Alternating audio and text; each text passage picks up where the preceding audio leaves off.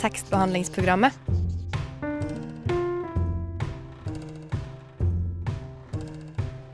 Tekstbehandling på radio.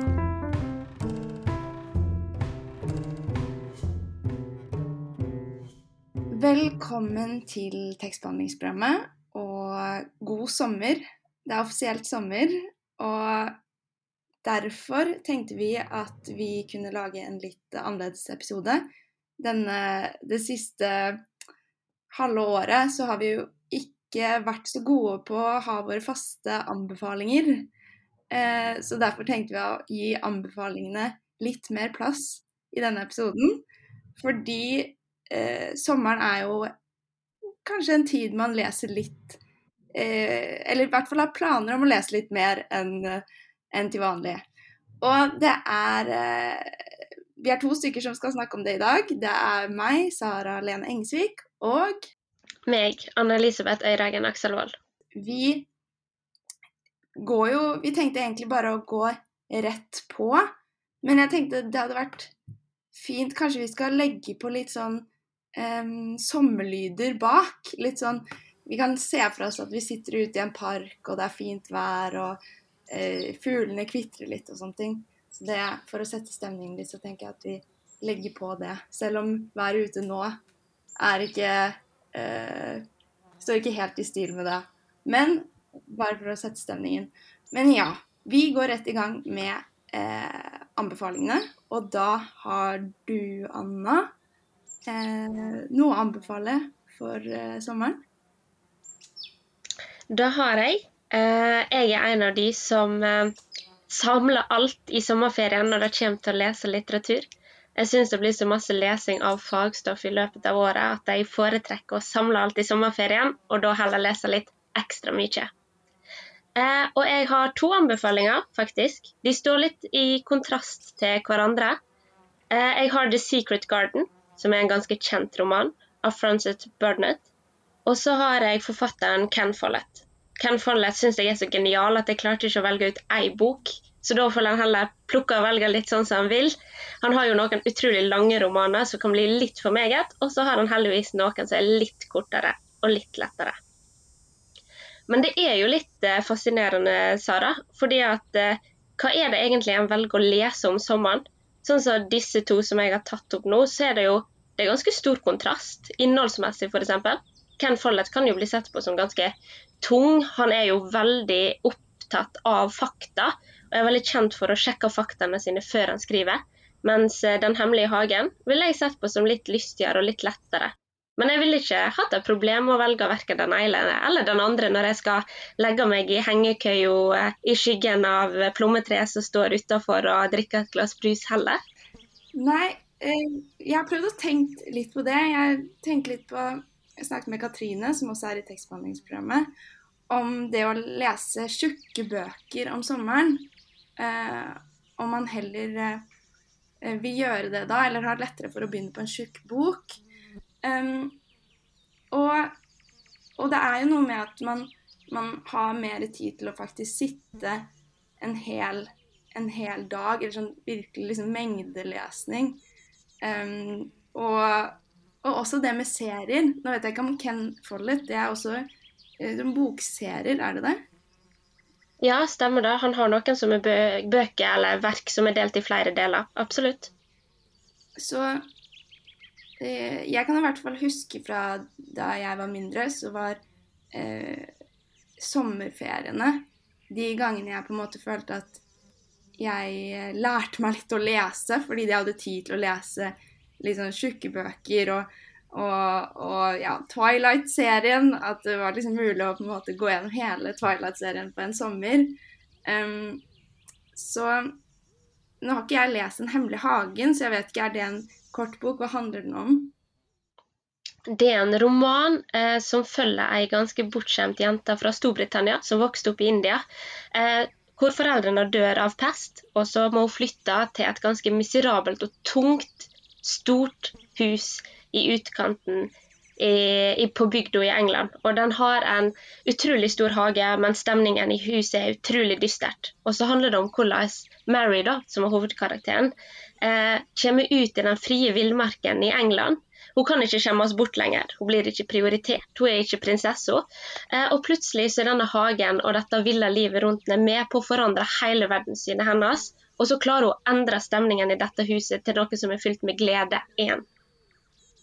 Så det er veldig sånn, Jeg vil tenke var en veldig sommerbok. Jeg blir veldig glad av å snakke om den. For den handler nettopp om ja, da når du snakket om å sette stemningen. sant? Du hører litt fuglekvitring, du kjenner litt solo i ansiktet når du leser den. Og så kjenner du kanskje veldig på denne friheten som man kjenner på med sommeren. Da at du kan gjøre ja, i større grad hva du vil. For da er det jo veldig spennende å høre, for den skjønner jeg. Jeg skjønner veldig godt at det er en sånn typisk sommerbok, og man får lyst til å lese den og ha gode minner rundt den. Um, men da, Ken Follett, hvorfor eh, eh, akkurat den anbefalingen for sommeren, eller er det en generell anbefaling for hele året? Eh, jeg ville sagt at han kunne lest Ken Follett hele året, men Ken Follett er kanskje mer spennende. Han har et større driv. Den hemmelige hagen er veldig fin, eh, men et spenningspunkt i stor grad er det kanskje ikke nødvendigvis. Mens Ken Follett har et veldig driv, også samtidig som du leser, så leser du ikke bare en historie, du blir klokere, du forstår verden bedre, hva som har skjedd, hvordan ting har vært. Eh, så jeg tror det er litt Så jeg vil liksom Jeg vil ikke nødvendigvis sett på han som tung, men han er veldig faglig orientert, kanskje. Og så blir det litt sånn som da du sa om Twilight. Jeg tok jo fram 'Ringenes herre' om sommeren. Søstera mi las nettopp i fjor sommer Harry Potter. Det er kanskje fordi at du har muligheten til å se denne progresjonen i å lese bok etter bok i løpet av en sammenhengende periode, kanskje. Hei, jeg heter Aune, og du må høre på tekstbehandlingsprogrammet fordi kunnskap og viten, det er det mest vidunderlige på denne jorden. Sommeren er ei tid hvor mange velger å ta fram boka og nyte av finværet mens de leser litt ekstra god litteratur og fornytter seg litt ekstra med den. Og som vi snakket om før eh, sangen, Sara, så er det litt forskjellig hva en velger å lese. Og jeg har jo presentert to anbefalinger som står ganske i stor kontrast til hverandre. Mens for meg hadde det vært litt elle-melle. Men jeg lurer på, hva ville du lest i en sommerferie, eller hva anbefaling har du? Ja, jeg øh, måtte tenke litt, og, for det er én bok eh, Og dette er ikke min anbefaling, eller det er en slags anbefaling, men det er så lenge siden jeg leste den. Men sånn, den ultimate sommerboka i mine minner er 'Øya' av uh, Victoria Histop, tror jeg hun heter. Det var jo sånn veldig mange leste på et, uh, på et tidspunkt eh, i 2010-2011 eller sånt noe. Eh, og den leste jeg da jeg var på ferie i eh, Kroatia. Og den også handlingen tar plass i Hellas. Um, og den handler jo om folks um, spedalskhet. Og den er jo egentlig ganske sånn eh, fæle, fæle historier, men den er også Jeg har veldig gode minner fra den, fordi det var liksom akkurat som jeg klarte å leve meg inn i inn i det liksom, omgivelsene, siden jeg selv også var ved Middelhavet, på en måte. Eh, men så tenkte jeg jeg må si en annen, for den er jo altfor lenge siden jeg har lest til at jeg kan anbefale den. Eh, og da, den boka jeg leste i fjor sommer, var Oda, eh, altså en dokumentarroman om Oda Krog av Kjetil Bjørnstad. Ja. Eh, og han det er jo en slags eh, biografi, men siden man ikke vet så mye om livet til Oda som det er, blir fortalt om i den romanen, så har han tatt seg ganske store friheter med å egentlig liksom dikte opp episoder og sånne ting. Og hun var jo en del av Christiania Bohemen og var gift med øh, Ja, gift med Krog. Hva heter han? Christian Krog. Eh, og også sånn Hans Jæger og Edvard Munch, og det er veldig mange kjente navn da, og personer med i denne boka. Men eh, jeg bare tenkte jeg skulle bare lese opp det som står bakpå, for jeg føler at det, eh, den, det er ganske intriguing. og da står det Oda, utropstegn, er beretningen om eh, La vraie prinsesse de la Bohème hun var Kristiania bohemens kvinnelige lederskikkelse, et ideal for mange, dyrket som en myte. Men hvem var hun egentlig? En nytenker, en banebryter eller en ulykkelig malerinne? Et offer for mennenes visjoner om kvinnen og den frie kjærlighet, splittet mellom rollene som Skjøge og Madonna. Eh, og eh, grunnen til at jeg kom på den, var jo selvfølgelig jeg leste den i sommerferien, men jeg har også en sånn litt lignende følelse rundt den som jeg hadde med 'Øya' av Victoria Hislop. Og det tror jeg er fordi de er mye På sommeren så er de på sånn sommersted litt utenfor Oslo, ved Oslofjorden. Um, og det er akkurat som det er en følelse man får når man på en måte leser noe som har med sommeren å gjøre, på sommeren, som blir ekstra intens på en måte, fordi man selv er litt i de samme omgivelsene. Og det er jo også mye fra Oslo og sånn. Um, så det tenkte jeg også på da du snakket i stad, at um, hvor mye tror du det har å si eh, at man leser noe på sommeren for leseropplevelsen, på en måte? I spesielt sånn, eh, Den hemmelige hagen, da, som også er en typisk sommerbok. Ja, det var et veldig godt spørsmål. Først må jeg jo bare si at når du las bak på den boken, så kjente jeg at eh, jeg fikk veldig lyst til å lese den sjøl. Da ble jeg veldig sånn Oi, hvor går dette henne? Um, men jeg veit ikke. Kanskje det har noe med at vi søker litt en sånn eventyr slash harmonistemning. Um, da at selv om man på en måte legger seg ned og endelig tar livet litt med ro, sommeren er jo en pause for mange i et travelt hverdagsliv, så ønsker en litt å dra på utflukt. Og jeg òg kom til å tenke på, når vi snakket om dette, at bøkene våre handler jo egentlig om folk som drar på eventyr, om det er til Hellas, som du var inne på, eller om det er til sommerhytte utenfor Oslofjorden, eller om det er Ken Follett i Frankrike, eller på landet i England, så tar vi jo på en måte med hodet vårt litt til en annen plass. Det At du lever det litt inn i et annet eventyr. Kanskje det er ekstra godt om sommeren. Det, eller det Ja, mye. Mm -mm. mm. Men det er kontrasten i at man faktisk leser om noe um, Noen som drar på et slags eventyr, da, eller noen som gjør noe, men i en eh, tilstand som sommerferien jo er, som er litt sånn vakuum. Det er litt sånn stillstandsperiode eh, som kanskje passer ekstra med å på en måte bli fylt opp med noe annet, med noen andres eventyr eh, og sånne ting. Altså, folk drar sikkert på eventyr selv også i sommerferien. Men det er jo en slags sånn ja, mellomperiode. Ja, absolutt. Det tror jeg du har helt eh, rett i. Siri? Jeg er din assistent. Ja. Hører du på tekstbehandlingsprogrammet? Selvsagt. Gjør som Siri. Hør på tekstbehandlingsprogrammet.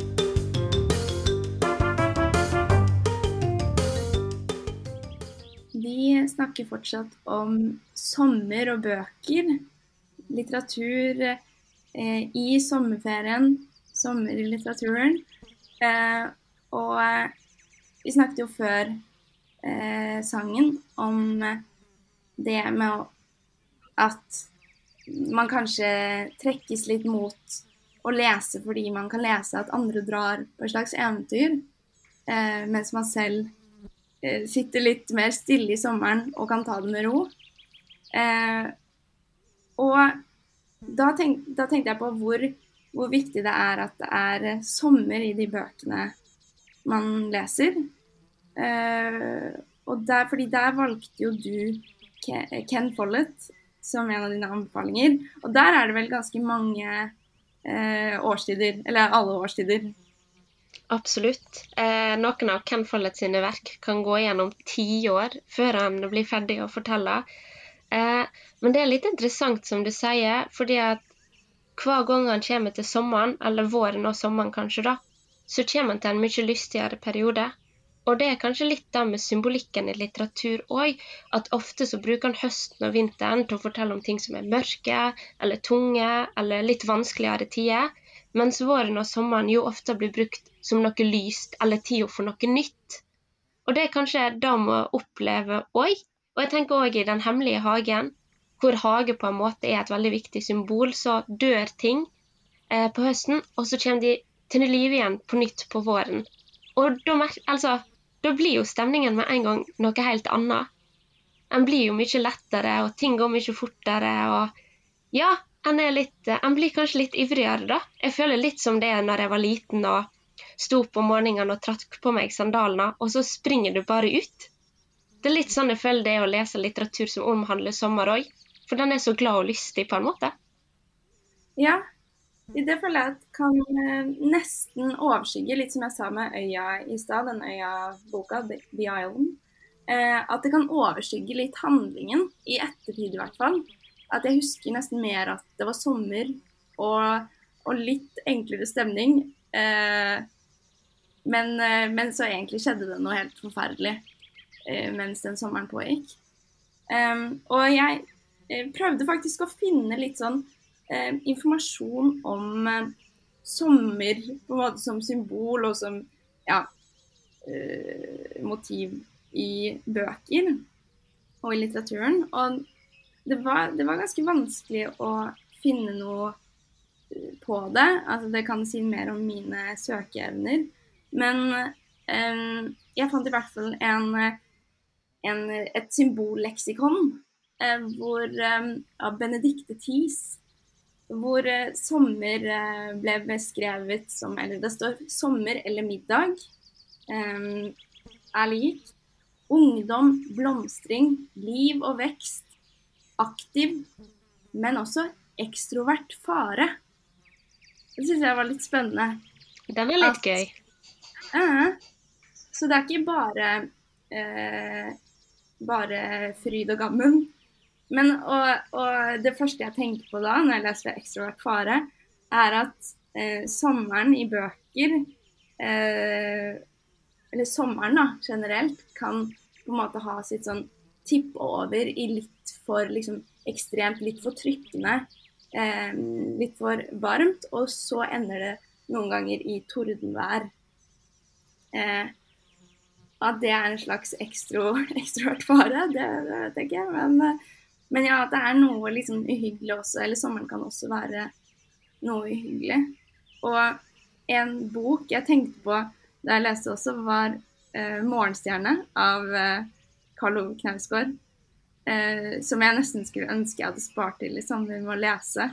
Men der er det jo absolutt en slags overhengende fare eller noe mystisk, og det skjer mye ekle ting um, om sommeren. Men um, blir du mest trukket mot koselige eller lette fortellinger om sommeren? Eller denne ekstroverte faren? uh, jeg tror du har et veldig sånn godt poeng i at det blir litt som uh, øya som du leste om, da. Kanskje at uh, den ekstroverte faren òg til og med blir litt dempa ned av det at vi trekker til oss masse masse av den sommerlige stemningen, på en måte. Og jeg tenker òg at eh, det blir litt som når jeg ser tilbake på sommeren i fjor. Så tenker jeg masse sol og fryd og gammen og soling og sånt, men jeg vet at det var drittvær på Vestlandet. Eh, så det er kanskje noe der. Men jeg er jo en person som generelt eh, er veldig glad i bøker hvor det ender godt. Eh, det er jo en av grunnene til at jeg leser Agatha Christie når jeg leser krim, og, og ikke Jo Nesbø og 'Snømannen'. Men det er kanskje noe ekstra med sommeren, ja. Jeg tror ikke jeg kunne funnet på å lese noe tungt og dystert da. For da hadde jeg nok følt krasja litt med hvordan jeg følte atmosfæren rundt meg når jeg las hva. Ja, og kanskje også når man har litt ekstra tid, som vi snakket om, med å faktisk lese mye og sånn, så blir man litt mer preget av det man leser enn til vanlig. Fordi det er ikke så mye sånn til um, Hvis man sitter en hel dag og leser, og er på hytta, f.eks., så er det kanskje ikke så mye som kan på en måte bryte opp med den eh, stemningen. Eh, og da er det kanskje litt viktigere Ikke viktigere, men eh, eh, kanskje litt eh, behagelig å ikke lese noe som er altfor tungt. da. Ja, jeg tror det blir litt som det vakuumet som du var inne på. Du vil ikke ha noe som på en måte bryter den bobla, da. På tide å skru på tekstbehandlingsprogrammet. Yndlingssykkelen de siste seks-sju månedene er en enhjulssykkel. Vi har Marie Eibert på besøk. Jeg og Eline. Marie og Bær. Marie og Bær. Jeg tenker alltid at en T slutter med ø, h, h, h, h, utropstegn, utropstegn. Det er bare tekstbehandlingsprogrammet. Nei, Det var ikke så mye å si. Eh, som vi har snakket om hele denne episoden, så er kanskje har lesing en spesiell plass i hjertet vårt akkurat om sommeren. I søken på litt ekstra eventyrlyst og litt ekstra sommerstemning, i alle fall når du bor i regnfulle Bergen, sånn som meg. Nå har vi jo anbefalt litt litteratur, eh, i håp om at dere får noen eh, tips til gode verk å lese i sommer. Sjøl skal jeg lese 'Havets katedral'. Eh, Den ønsket jeg meg til bursdagen for ganske mange år siden. Har hatt lyst til å lese den lenge, men aldri fått satt i gang. Så jeg føler at i år så er det tida for for å endelig få slitt ut litt av det papiret. Er den, eh, er den tjukk, eller? Ja, ganske. Ikke sånn supertjukk, absolutt ikke. Men eh, jeg har bladd en del i den, og det er en del tekst. Den er litt sånn, litt sånn Ken Follett-vibe. Litt sånn historisk og sånt. Men den skal være veldig god. Er det den som tar plass i Barcelona? Nei. For det er den det er lagt film av. Mm. Ja, men da vil jeg se den etterpå. Ja, det kan jeg. Det er litt skummelt, syns jeg. Akkurat det med se film etter ei god bok. Men eh, så lenge en liksom klarer å balansere det, ikke har for store forventninger, så pleier det å gå bra. Jeg for min del har startet på to bøker. Um, og den ene er uh, 'Rosens navn' av Umberto Eco. Det er egentlig sånn i etterdønningene av påskekrimepisoden vi hadde. Um, så den har jeg akkurat kommet eh, i gang med. Og den tenker jeg at kan være en bra, eh, bra bok på sommeren, fordi den er tjukk. Og jeg merker at den er litt krevende, i hvert fall å komme inn i. Men også en sånn historisk eh, vibe over den, da. Og den andre som jeg egentlig startet på i fjor, er Mrs. Dalloway. Eh, og den klar Jeg har litt problemer med å, å komme meg inn i Virginia Woolf. Jeg syns det er litt vanskelig. Men eh, jeg bare kjente på plutselig at Og jeg har veldig sånn, gode følelser rundt den. Eh, fordi jeg leste den i fjor sommer. Begynte på den. Så den skal jeg prøve å, å lese videre. Men er du en av de som kan lese flere verk samtidig? Ja, det er jeg. Det liker jeg. Er du? Nei, det går ikke. Så jeg misunner litt den. Eh, da hadde ikke jeg fått det. Det må jeg innrømme. Men eh, sånn er vi jo. Vi er jo i litteraturen som alt annet. Eh, en liker litt forskjellig. Det er veldig bra avslutning. det var mine kloke ord for, eh, før sommerferien. Før hjernen min tar eh, fullstendig sommerpause. Fordi nå skal tekstbehandlingsprogrammet ha sommerferie sammen med Radio Nova og forhåpentligvis eh, resten av Norge. Eh, og vi håper at eh, dere gjør det samme, og at dere har fått litt tips i, lese, i Lesetipspodkasten vår eh, som kompensasjon for dårlige lesetips resten av året. Eller mangel på, kanskje. Og hvis du lurer på hvor du kan høre testbehandlingsprogrammet, så er svaret veldig lett. Det er wherever, whenever. Så alle plasser hvor du ellers hører musikk, der finner du òg oss. Så da anbefaler vi deg å ta en titt innom. Ja, for det er jo perfekt hvis man ikke orker å ta opp boka. Det er for varmt i sola til å konsentrere seg om å lese. Så er bare å slå på den podkasten på tekstbehandlingsprogrammet og høre seg gjennom. Eh, og faktisk så hørte jeg en her om dagen som var en sommerspesial fra noen eh, år tilbake, i 2019, eh, om at Stine, som er tekstbehandler, skulle selge bøkene sine i Oslo. Så hvis man lurer på hvordan det gikk, så kan man jo også høre på den.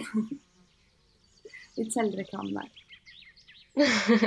det er altså mye spennende å høre på om man har en pause i sommerferien. Da sier vi ha det fra studio, og vi, eh, vi var eh, kanskje for siste gang fra dette eh, hjemmestudio på, i hvert vårt eh, rom over eh, internett. Sara Lene Engsvik og Anne Elisabeth Øyragen Akselvold. Og vi tar sommerferie i lag med Emil Karlsen og Lavre. Eh, og så skal dyslektikeren prøve seg på et navn, og da går ikke alltid bra. Men eh, de har lagt låta 'Ifta Boasta'. Eh, og vi har fulgt med Emil Karlsen sitt musikkprosjekt hele våren. Eh, og denne nye låta som han har sluppet sammen med Lavre, er ikke et unntak på noe som eh, eh, Sara har vært inne på tidligere i denne sendinga, at den er veldig verdt å legge til sommerlista. God sommer!